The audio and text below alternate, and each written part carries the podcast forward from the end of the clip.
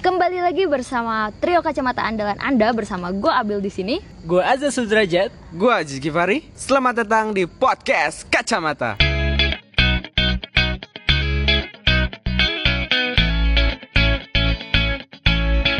Selamat datang kembali di podcast Kacamata yang tidak mengudara dua minggu ya dan akhirnya di minggu ini kita bisa mengudara lagi.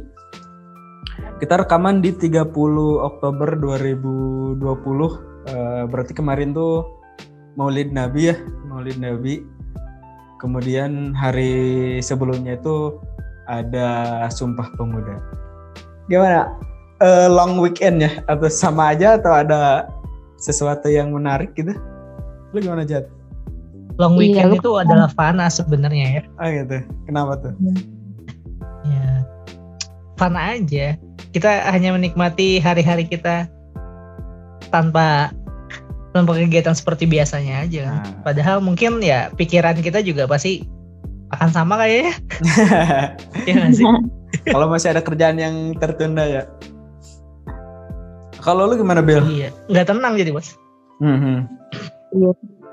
Gue nggak merasakan perbedaannya sih karena tiap hari gue gini-gini aja. Cuman yang gue sesali di long weekend ini harusnya long weekend ini tuh jadi waktu gue untuk ujian proposal.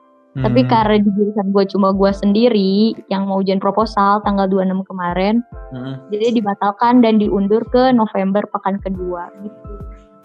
Oh. Siap siap. Nah eh, balik lagi ya ngomong-ngomong tentang anak muda nih.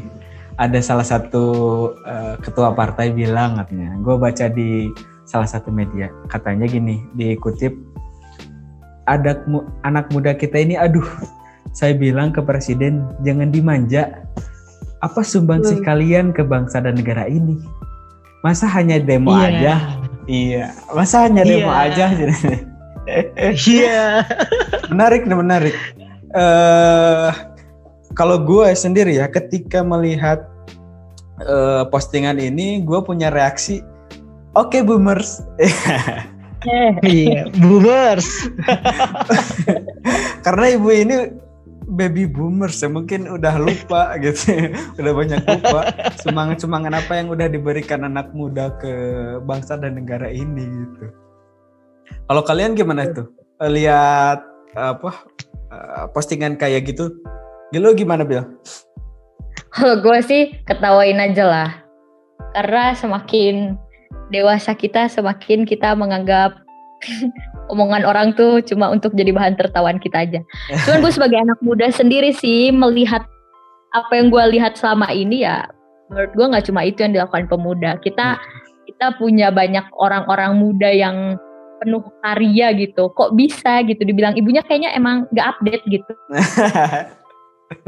Kayaknya keren sih. ya gitu punya Hmm. orang yang kan masuk majalah-majalah internasional 30 under 30 gitu. Hmm. kemarin gue lihat ada pendiri Efficient gitu. Banyak banget startup-startup di Indonesia juga yang lagi berkembang. Eh terus juga pokoknya idenya tuh kreatif banget. Sumber daya manusia orang Indonesia tuh anak mudanya tuh udah kayak wow banget gitu. Hmm. Cuman ya emang negara aja nggak bisa mengelola itu. Karena Nah. sistem yang dibuat sama negara kita ya buat kepentingan orang di luar Indonesia justru orang-orang yang punya duit doang gitu. Sedangkan yang berkarya justru nggak diiniin dan sekarang dikomentarin kayak gitu apa sih anak muda cuma bisanya demo doang. Lihat ya. negara kita cuman dikuasai oleh para oligarki ya yang Iya. sebentar lagi ingin membuat Jurassic Park di Pulau Komodo. Iya. Iya. itu iya gue yang ketiga. Kalau dari lu Jat gimana Jat melihat eh, apa pernyataan ketua partai itu? Eh, gue akan berusaha netral ya. Siap. Iya. Berusaha. Jadi gini, berusaha. Mudah-mudahan bisa ya Allah. Oke. Kalau gue sih ngeliatnya dari dua sisi ya. Yang pertama bisa jadi ya mungkin bisa kayak kayak si Abil tadi i- ibu sepertinya ibu apa namanya lebih banyak lagi membaca gitu ya atau Iya. mencari info-info terkait anak muda hari ini atau Hmm. mungkin ibu bisa lihat di datanya Kemenpora gitu kali ya yang apa namanya di situ mungkin ada data-data prestasi yang kemarin juga anak muda juga mungkin ya yang yang apa namanya dapat prestasi akademik non akademik dan lain-lainnya gitu. Mhm. tapi kalau misalkan si ibunya eh, apa namanya ngincar yang demo juga gua rasa demonstrasi adalah sebuah prestasi menurut gua karena untuk men- untuk bisa lu turun ke jalan itu itu bukan suatu hal yang mudah menurut Iya, gua. iya, untuk lu iya. bisa orasi di jalan juga itu bukan hal sesuatu yang apa yang mudah gitu itu sulit itu itu Betul, kan di situ kan yang turun adalah ketua bem gitu kan Mhm. ketua BEM universitas, ketua BEM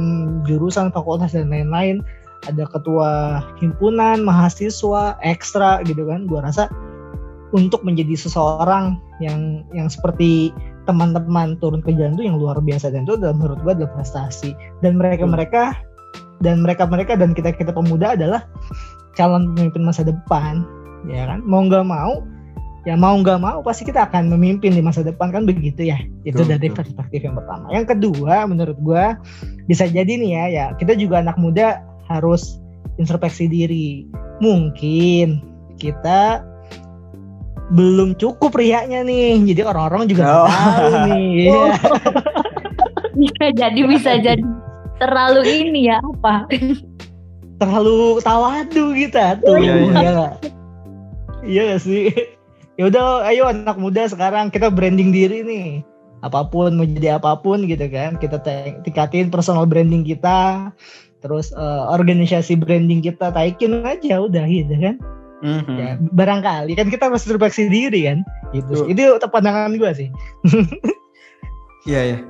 Menarik nih ngomongin tentang anak muda 28 Oktober kemarin eh, Sumpah Pemuda tapi kalau kita melihat catatan sejarah banyak eh, dari tokoh-tokoh kita mungkin tokoh-tokoh dunia juga tokoh hebat tapi dia yang nggak diberi umur panjang gitu sama Allah atau sama Tuhan.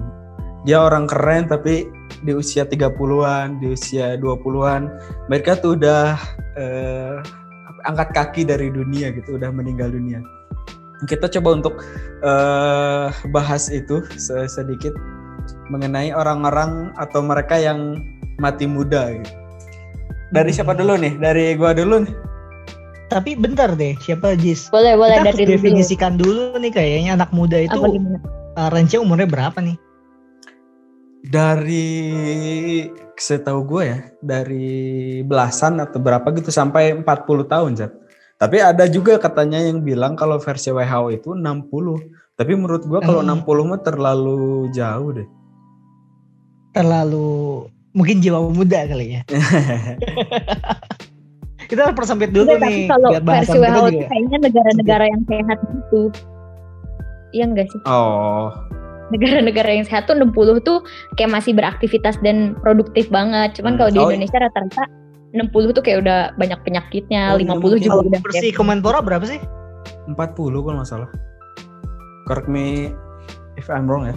Kalau nggak salah segitu sih. Mungkin yang 60 itu usia produktif bukan eh, apa pemuda itu kali. Oh iya iya iya, bisa Nah, bisa. Kalau dari gua ya eh, berhubung dengan eh, tadi Ajat ngomong tentang demonstran, gua jadi inget salah satu eh, aktivis di tahun 60-an itu Sohokji ya. Siapa sih Hmm. mahasiswa yang nggak tahu Sohokji gitu? Kalau ada mahasiswa yang nggak tahu Sohokji ya kayaknya dia mainnya kurang jauh atau pulangnya kurang malam. Masa sih nggak tahu Sohokji gitu ya eh, di mahasiswa pasti lu semua yang lagi dengerin ini tahulah Sohokji. Dia anak sejarah, esik. Anak sejarah eh, Fakultas Sastra UI. Dia ini yang menarik eh dia tuh kritisnya itu sedari muda gitu.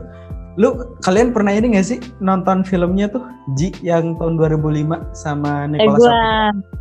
udah udah itu keren kan dia di sana. Meskipun gue agak lupa lupa lagi sih karena nonton itu di awal awal kuliah ya.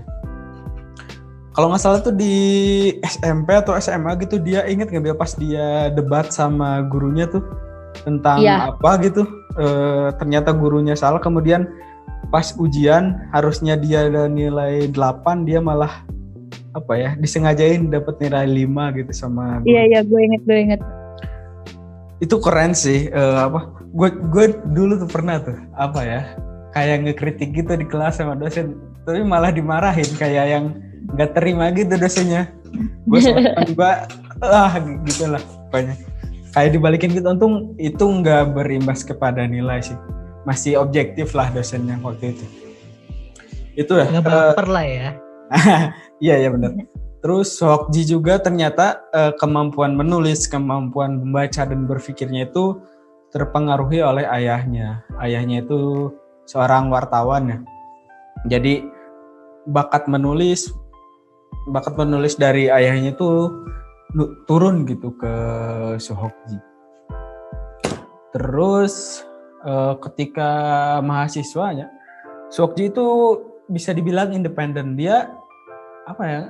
ngehajar semua organ ekstra gitu HMI dia di diladenin kemudian uh, kalau Kristen tuh PM KRI dia ladenin juga. Dia uh, independen lah gitu ketika mahasiswanya. Dan uh, tadi gue lihat salah satu video dia masuk sebuah gerakan bawah tanah yang anti Soekarno gitu. Karena uh, di filmnya juga diliatin tuh. Itu terinspir bukan terinspir diambil dari bukunya yang catatan seorang demonstran Sokji melihat seorang warga Indonesia yang makan dari eh, ngambil makanan dari tong sampah gitu dia merasa iba melihat hal tersebut kemudian dia ngasih uang gitu ke orang yang makan sampah tadi dan eh, setelah melakukan itu dia berpikir wah kayaknya Soekarno yang lagi istana dia lagi senang-senang deh. Nah di situ jiwa kepekaannya dia uh, bangkit. Nah dia juga ini karena apa ya? Karena melihat kondisi Indonesia, melihat kampusnya nggak baik-baik aja gitu, dia di tahun 6566 dia turun tuh ke jalan. Uh, dia ikut aksi kami ya, bukan kami yang sekarang uh, yang sama Pak Gatot yang mau dibubarin sama pemerintah itu tapi uh, hmm, kesatuan beda lagi ya beda lagi kesatuan aksi mahasiswa Indonesia. Kalau yang sekarang tuh apa sih M-nya? Uh, menyelamatkan. Oh gitu. Kalau yang Sokji itu uh, mahasiswa Indonesia. Kemudian di tahun 98 juga ada lagi ya kami yang M-nya satu dan yang M-nya dua gitu. Itu uh, ternyata gue juga baru baca-baca lagi tadi. Di aksi itu kalangan mahasiswa itu apa ya e, bekerja sama gitu sama militer dan Suwokji berpikir bahwa ketika mahasiswa gerak sendiri itu katanya nggak akan ini nggak akan berhasil dia minta bantuan ke militer dan akhirnya e, terjadilah aksi besar gitu e, yang tahun 66 itu muncul namanya Tritura ya tiga tuntutan Tritura. rakyat hmm. Hmm.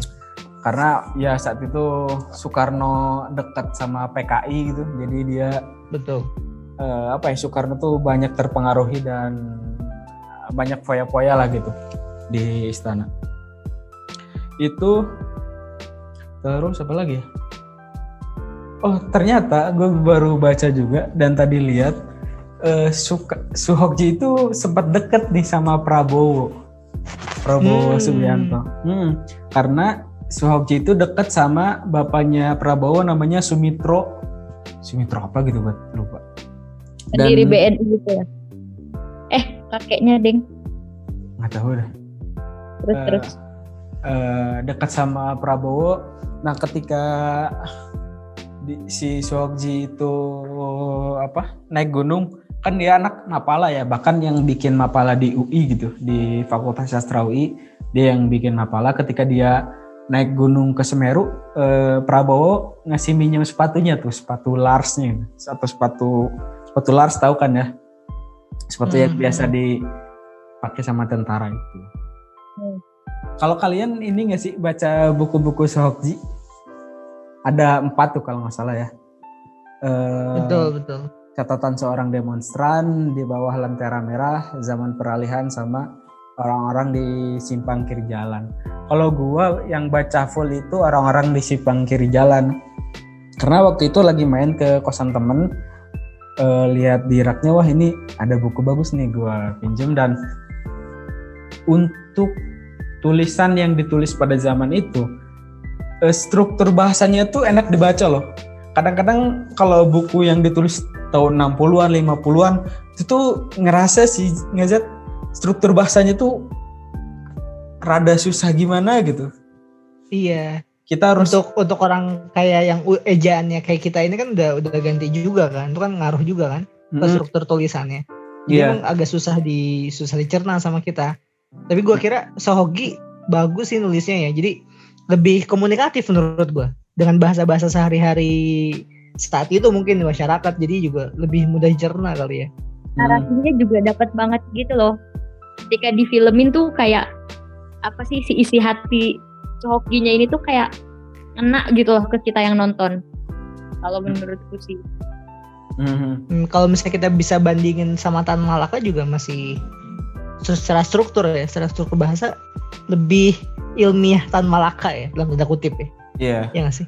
Cuman enak baca bukunya enak Sohokji sih. Betul. Nah, karena lebih komunikatif tadi kan. Hmm.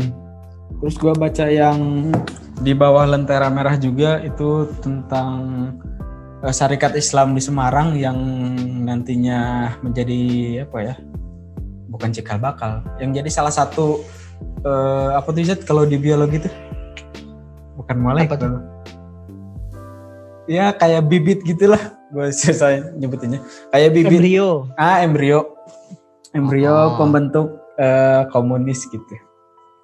Itu kalau Iya, catatan iya. seorang demonstran gue baca cuman nggak sek- sekilas-sekilas doang gitu. Karena dulu tuh dapatnya PDF, PDF-nya nggak bu- bukan Word yang dijadiin PDF itu, tapi kayak buku yang difoto terus jadi jadiin PDF, PDF gitu. Hmm.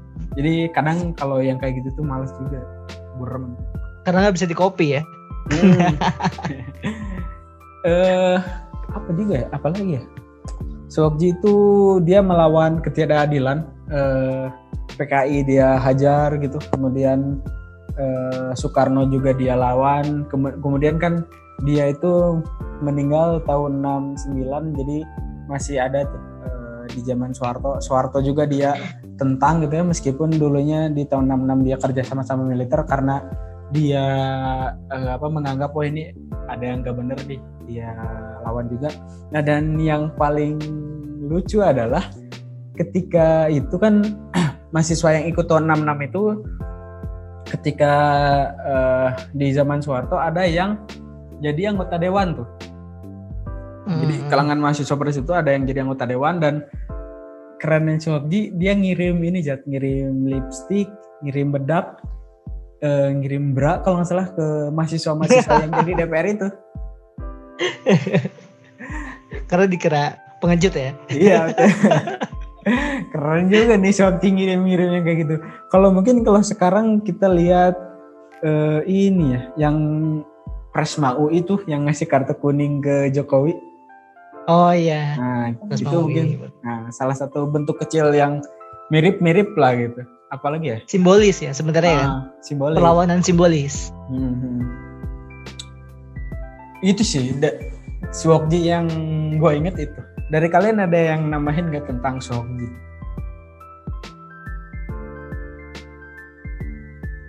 kalau gue sih setiap orang ngomongin Sohoki gue nggak bisa hilang dari mukanya tuh kayak Nicholas Saputra gitu loh guys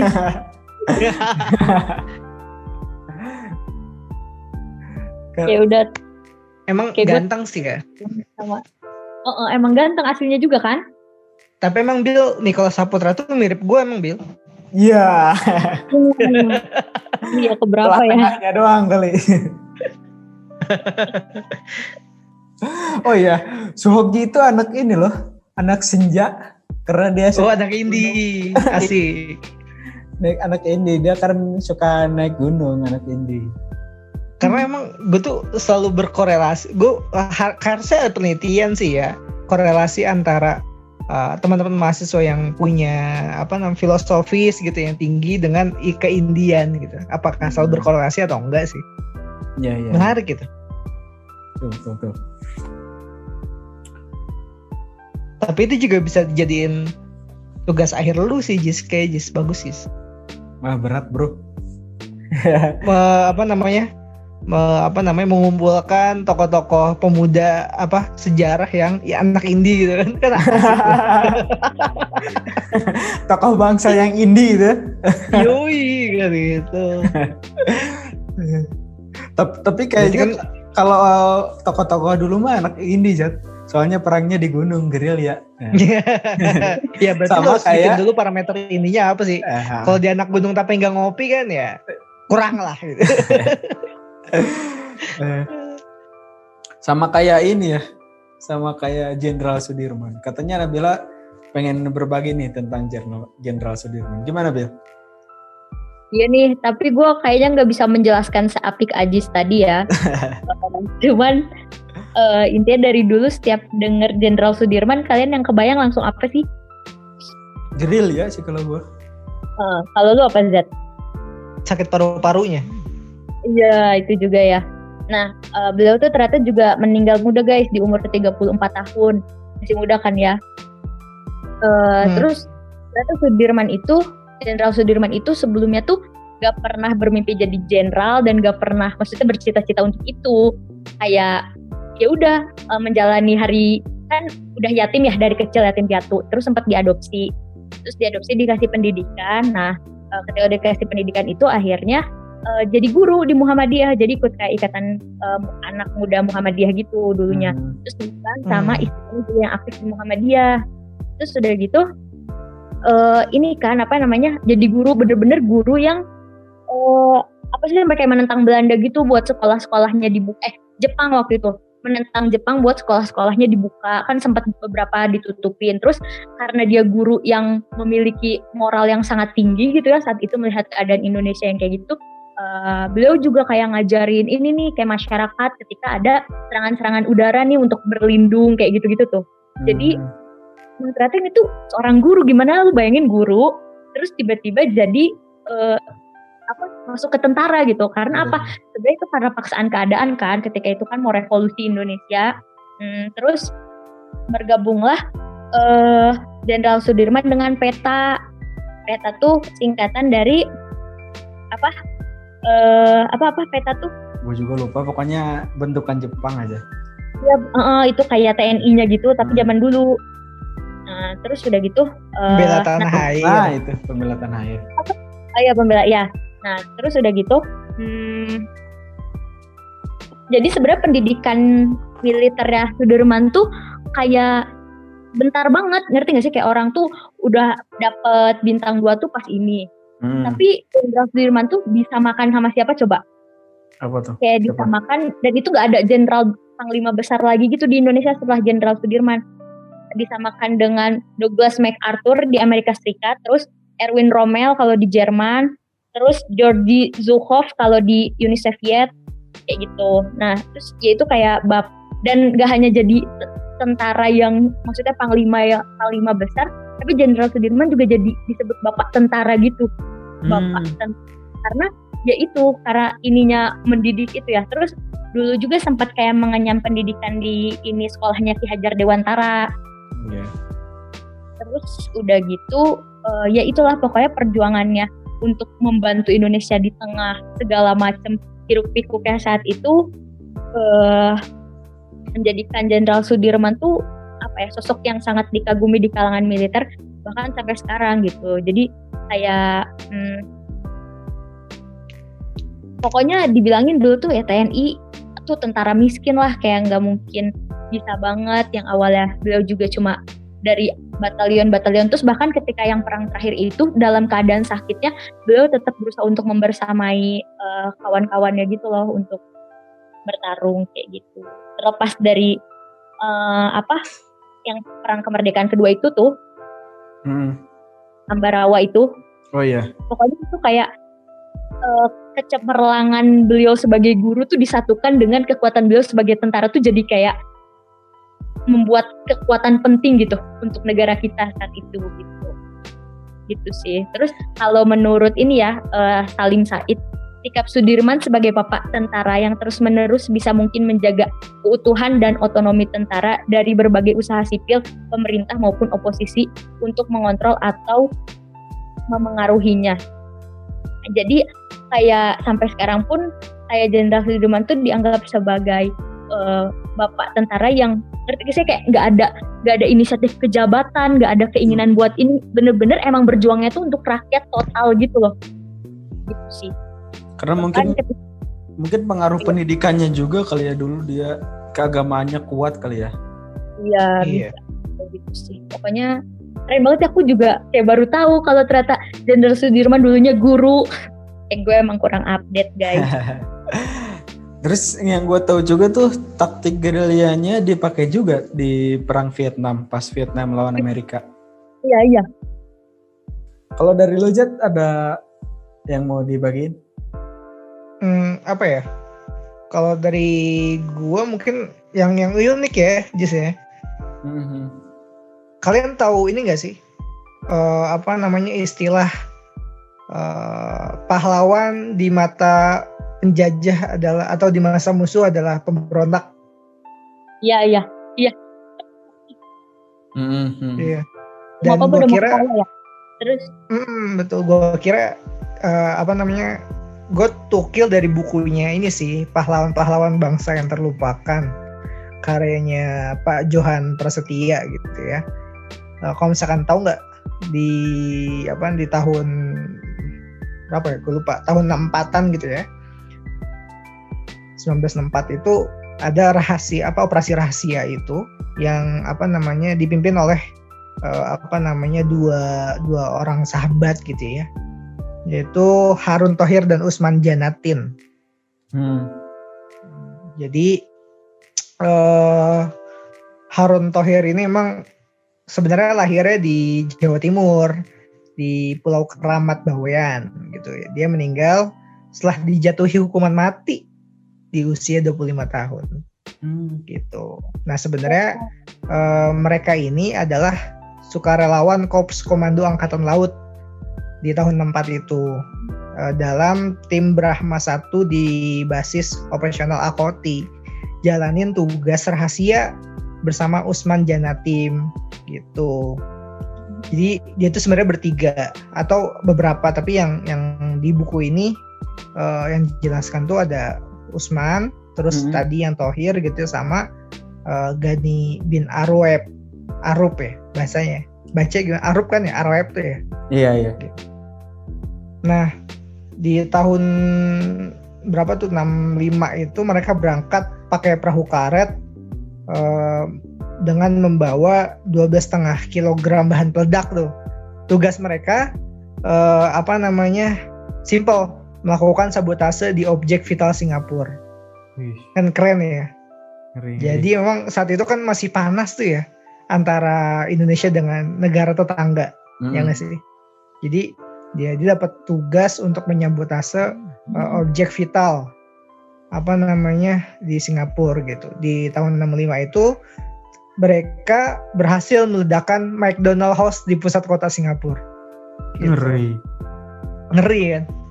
Wajahnya ini emang nggak nggak kayak Indonesia banget karena wajahnya itu oriental wow. gitu menurut gue karena terus juga dia mereka ini menguasai, menguasai bahasa Tiongkok, Inggris, Belanda dan membuat mereka ini uh, pantas lah buat menyamar uh, sebagai bahkan sebagai pelayan dapur kata di Singapura tuh kan gila ini Intel ini bos oh. gitu.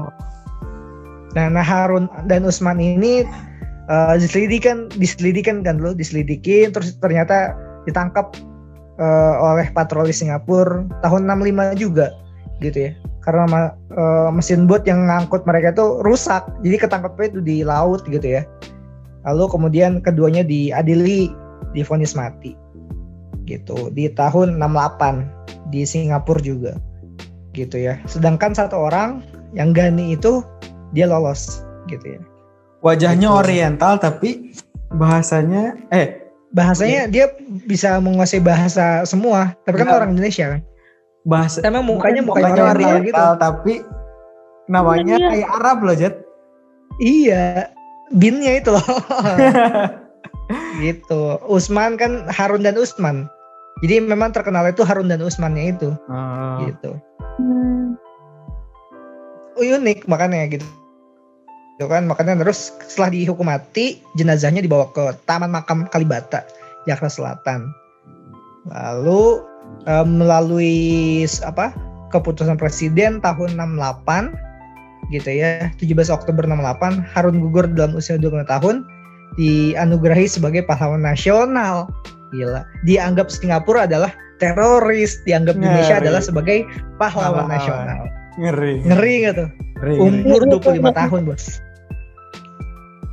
umur 25 tahun Wah, buat lo yang dengerin ini harus searching langsung sih.